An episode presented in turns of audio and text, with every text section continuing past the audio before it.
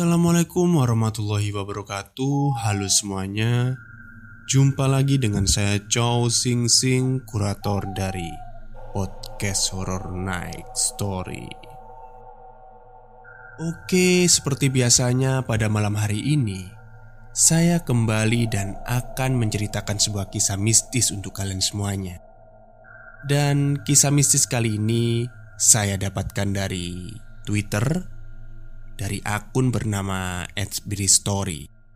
Beliau menceritakan sebuah pengalaman mistis yang dialami oleh temannya sendiri. Seperti apa kisahnya? Mari kita simak. Halo, perkenalkan nama aku Robin. Umurku 32 tahun. Aku bekerja di salah satu perusahaan seluler terkemuka di Indonesia. Sebenarnya kantorku di Jakarta, tetapi tugas yang aku emban mengharuskan untuk rutin berkeliling ke kantor cabang di seluruh Indonesia. Nyaris setiap minggunya, aku harus melakukan perjalanan luar kota, bahkan luar Jawa. Ya, menyenangkan sih bertemu dengan orang-orang baru, suasana kantor yang berbeda-beda budaya, dan kebiasaan yang beda juga. Dalam tugas keluar kota ini, aku lebih banyak sendirian, walau kadang sesekali ada rekan kantor yang mendampingi kalau ada hal yang harus diselesaikan, tetapi bukan bidang yang aku kuasai. Tapi ya, itu tadi, aku lebih banyak sendirian. Dalam prosesnya, aku jadi punya banyak pengalaman yang jadi pembelajaran. Pengalaman dalam hal pekerjaan atau juga di luar pekerjaan. Nah, pengalaman yang gak ada hubungannya dengan pekerjaan inilah yang sungguh menarik untuk diceritakan. Tentu saja, ada beberapa pengalaman yang menurutku aneh dan cenderung seram. Salah satunya akan aku ceritakan kali ini. Sudah nyaris lima tahun belakangan, aku menjalani tugas ini, berkeliling ke banyak kantor cabang. Biasanya, dalam satu perjalanan dinas, ada beberapa cabang dan kota besar maupun kota kecil yang aku kunjungi. Contohnya di Jawa Barat, dalam satu perjalanan dinas, aku akan berkunjung ke Bandung, Tasik, Ciamis, dan lain-lain. Kunjungan itu bisa dilakukan dalam beberapa hari, tergantung kondisinya. Sama dengan perjalanan dinas yang aku ceritakan ini, ketika harus keliling Jawa Timur untuk mengunjungi kantor cabang yang ada di sana, masih lekat dalam ingatan karena baru beberapa bulan lalu kejadiannya. Tepat pada bulan November 2019 Waktu itu hari Selasa. Aku menggunakan pesawat pertama dari Jakarta. Jam 8 pagi Aku sudah berada di kantor cabang Di Surabaya. Di kota besar inilah Kegiatan berkeliling Jawa Timur dimulai Rencananya Pagi itu nggak akan berlama-lama di Surabaya. Paling lambat jam 10 Aku sudah harus berangkat ke Kediri. Menyelesaikan pekerjaan di kantor cabang yang ada di sana. Lalu dari Kediri Akan langsung ke Malang Dan bermalam di kota apel itu. Ya rencananya sih begitu. Dalam prosesnya semua bisa berjalan sesuai rencana. Sekitar jam 10, aku sudah meninggalkan Surabaya menuju ke Diri. Oh iya, kalau masih di Pulau Jawa, aku memilih untuk mengendarai sendiri mobil kantor yang aku gunakan untuk berkeliling. Aku nggak pakai jasa supir karena aku sudah mengenali sebagian besar wilayahnya. Berbeda kalau di luar Jawa Sebisa mungkin aku akan meminta bantuan supir kantor Sama juga kali ini, aku sendirian berkendara dari Surabaya menuju Kediri dan ke Malang sore harinya. Banyak yang tahu kalau perjalanan dari Surabaya ke Kediri akan memakan waktu kira-kira tiga jam. Itu pun jalan santai. Singkatnya, sekitar jam satu siang aku sudah sampai di kantor cabang Kediri. Aku nggak langsung kerja. Rekanku yang ada di Kediri mengajakku makan siang dulu di salah satu rumah makan ini bukan kunjungan pertamaku di Kediri. Sebelumnya sudah beberapa kali aku ke sini. Tapi ini akan menjadi perjalananku yang pertama kali dari Kediri ke kota Malang. Karena sebelum-sebelumnya selalu sebaliknya. Selalu melakukan perjalanan Surabaya, Malang, Kediri, dan Surabaya lagi. Kali ini beda. Kenapa beda? Ya, karena aku pingin suasana baru aja. Karena sudah beberapa kali berkunjung ke kantor Kediri, aku jadi sudah akrab dengan rekan yang ada di sana. Gak terlalu kaku lagi. Mas, selesai dari sini nanti mau langsung ke Malang? Tanya Pak Alwi, kepala kantor cabang Kediri. Haha, iya pak Saya bermalam di Malang saja Besok pagi bisa langsung kerja di cabang sana kan? Jawabku Perlu supir kantor nggak? Tanya Pak Alwi lagi Hmm, nggak perlulah pak Semoga belum terlalu malam saya sudah selesai di sini. Jalan santai tiga jam juga sampai kan? Begitu jawabku. Oh, ya sudah kalau begitu. Jangan terlalu malam di sininya, Mas. Jalur ke Dili Malang itu masih rawan. Begitu kata Pak Alwi menutup percakapan. Selebihnya selesai makan siang, kami kembali ke kantor. Kemudian aku langsung bekerja menyelesaikan tugas. Ya, begitu. Rencanaku jam 5 sudah selesai pekerjaan lalu bisa langsung menuju Malang. Tapi ternyata nggak berjalan seperti itu. Banyak kendala dalam prosesnya. Kendala yang mau nggak mau harus aku selesaikan hari itu juga. Jauh di luar rencana, nyaris jam 9 malam, pekerjaan baru tuntas. Sudah mas, menginap di sini saja. Besok pagi-pagi berangkat ke Malang Begitu kata Pak Alwi. Ketika kami sedang santai beristirahat di depan kantor. Waduh Saya sudah booking hotel di Malang pak. Sayang kan kalau di cancel. Jawabku Ini sudah mau jam 9 loh pak. Yakin gak mau disupirin? Sekali lagi Pak Alwi menawarkanku untuk ditemani supir kantor. Yakin pak, saya sendirian saja. Ini jam 11 juga sudah sampai di Malang kan? Sekali lagi aku menolak tawaran Pak Alwi. Ya sudah kalau begitu. Yang penting hati-hati Jam segini jalanan sudah sepi. Kalau mengantuk baiknya menepi. Iya pak, saya siap-siap dulu ya Kemudian aku menutup percakapan. Sekarang sudah jam 9 lewat sedikit. Setelah selesai dari toilet Aku berpamitan dengan Pak Alwi dan rekan-rekan lainnya Untuk melanjutkan perjalanan dinas ke kota berikutnya Malang. Kemudian berangkatlah aku Kediri ini sebenarnya bukan kota besar Tapi bukan kota kecil juga. Sama seperti kota-kota lainnya di Jawa Timur. Dan aku menyukai suasananya. Jadi jalur yang akan aku lalui adalah Kandangan, Kasembon, Ngantang, Pujon, dan Batu. Sudah dua atau tiga kali aku lewati jalur ini sebelumnya Tapi ya itu tadi. Selalu dari arah sebaliknya. Dari Malang ke Kediri. Baru kali ini aku harus melakukan perjalanan dari Kediri ke Malang, malam hari pula.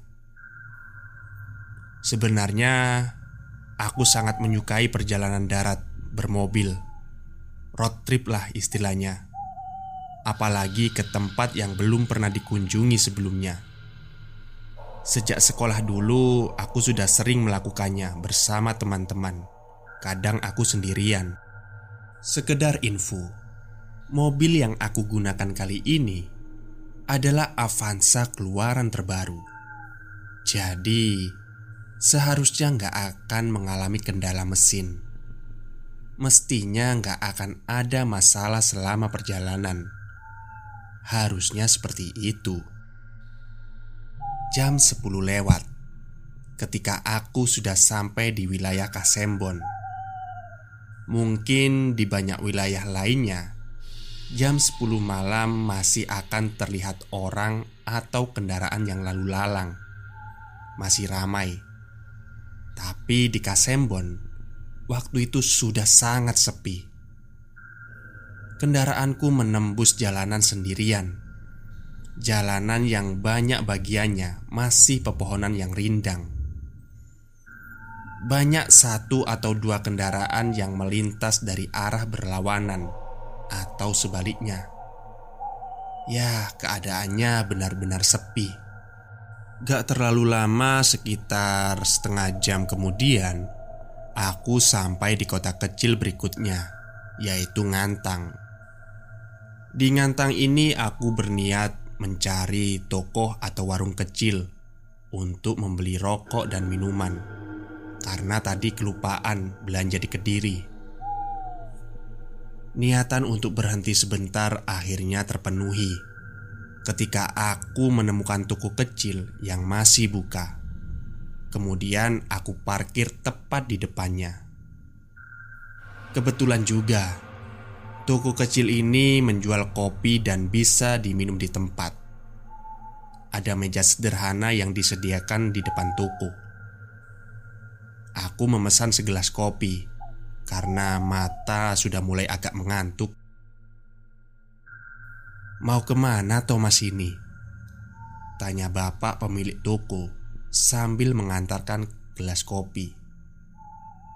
Batu Malang pak, ada pekerjaan di sana. Jawabku cengengesan. Oh begitu.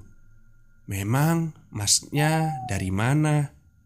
Tanya beliau lagi Lalu aku jelaskan semuanya Kalau aku dari Jakarta Sedang bertugas di Jawa Timur Kemudian bapak ini malah terus menemaniku meminum kopi Karena aku memang orangnya suka berbincang Ditambah bapak pemilik toko ini juga sangat ramah dan menyenangkan.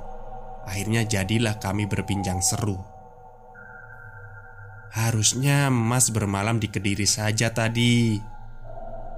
Jalan menuju Pujon Batu itu sangat sepi loh mas. Jalannya berliku naik turun. Harus sangat berhati-hati Begitu ucap bapak itu di tengah perbincangan. Iya pak. Tadi teman kantor juga bilang begitu. Tapi nggak apalah. Saya akan hati-hati. Jawabku. Uh, bukannya mau menakut-nakuti. Di sana sering terjadi kecelakaan loh mas. Baru seminggu yang lalu Ada kendaraan yang isinya bapak dan anaknya Kecelakaan di Pujon Situ Dua-duanya meninggal Kata bapak itu mengingatkan Agak seram mendengarnya karena tahu kalau jalan yang akan aku lalui nanti memang sangat menantang. Banyak belokan tikungan, tanjakan turunan, membelah perbukitan melintasi hutan. Tapi sudah nggak ada pilihan lain. Aku harus terus jalan menuju Malang.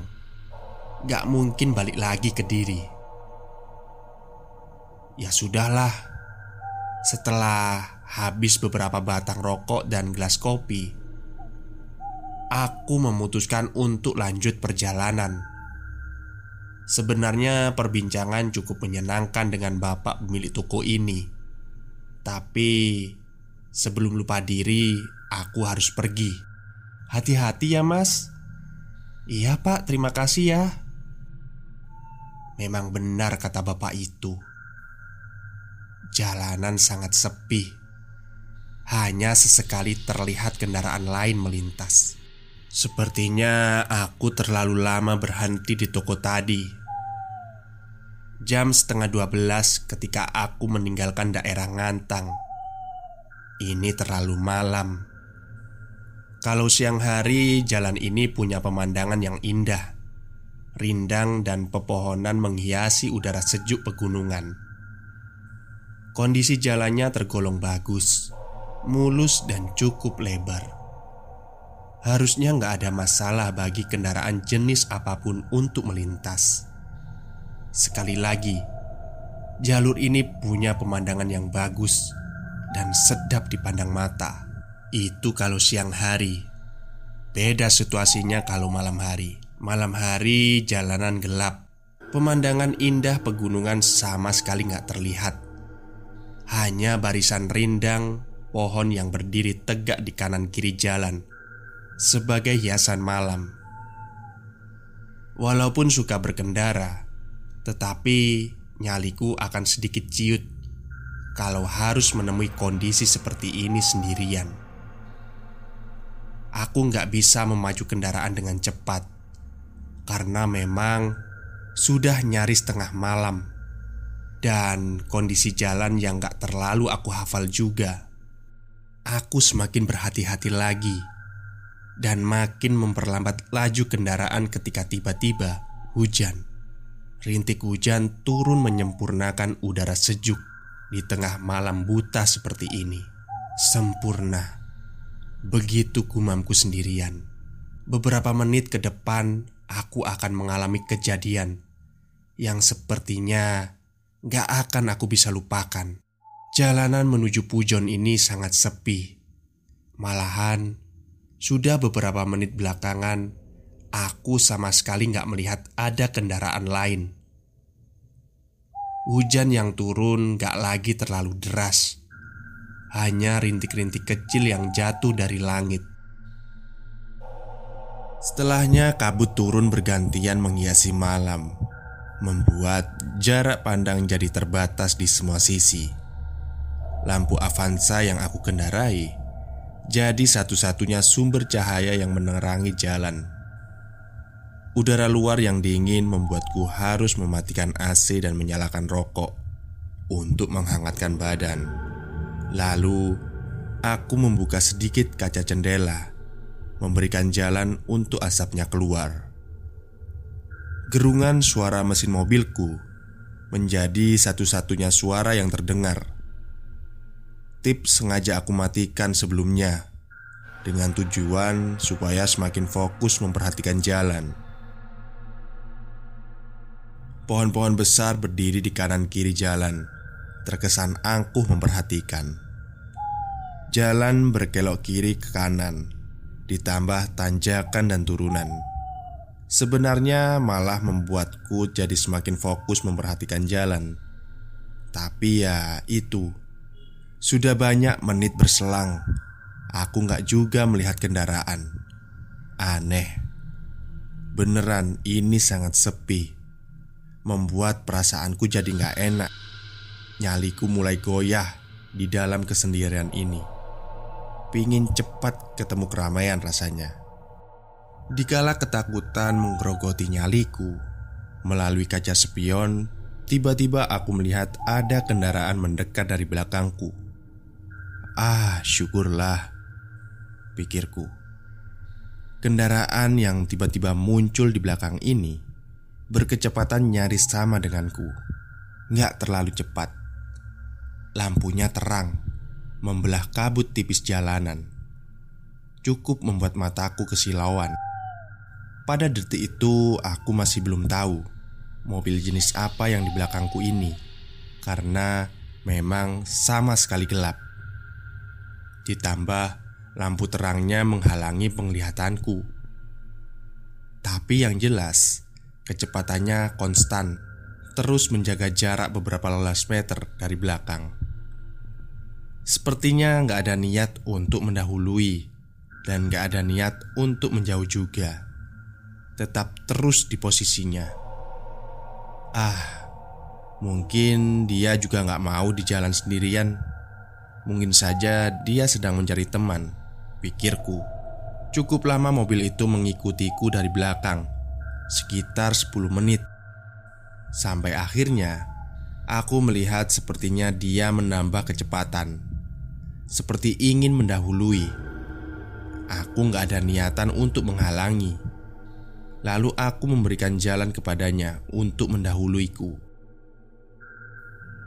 Pada saat itulah, akhirnya aku tahu mobil itu jenis apa. Ketika kami dalam posisi yang sejajar, terlihat jelas kalau itu adalah mobil jenis sedan tahun 90-an akhir berwarna gelap yang menarik perhatian. Kaca mobil nggak gelap, sangat transparan malah. Begitu transparannya sehingga aku bisa melihat ke dalamnya. Aku melihat ada dua orang di dalamnya. Kursi belakang kosong. Ada seorang bapak berumur menjelang 50 tahunan duduk di belakang kemudi. Di sebelahnya ada seorang anak kecil berumur sekitar 12 tahun. Sepertinya mereka bapak dan anak. Aku bisa melihat sedetail itu karena memang kendaraan kami cukup rapat berjajar dan melaju nggak terlalu cepat. Pada akhirnya mereka berhasil juga mendahuluiku. Sekarang aku berada persis di belakangnya. Sama seperti sebelumnya, ketika sudah berada di depan mobil ini, aku tetap berjalan konstan, gak menambah kecepatan. Dengan begitu, aku jadi gak bersusah payah untuk membututinya dari belakang. Beberapa menit lamanya kami berjalan beriringan Sampai pada saat ketika tiba-tiba sedan itu menambah kecepatannya Aku yang tadinya sudah mulai tenang karena ada teman Jadi kaget karena ditinggalkan Melihat itu, aku lantas menambah kecepatan. Di tengah kabut yang semakin menebal ini, aku coba untuk mengejarnya, tapi ternyata nggak sanggup. Nyaliku nggak sebesar sedan itu yang berani berkecepatan tinggi melewati jalan berkelok, ditambah dengan tabut tebal. Aku nggak berani karena kabutnya sangat tebal, dan seperti yang kalian tebak, Menit berikutnya sedan itu akhirnya menghilang Ditelan gelapnya kabut malam Dan kini kembali aku sendirian. Harusnya aku sudah masuk ke wilayah Pujon Namun belum juga nampak ada tanda-tandanya.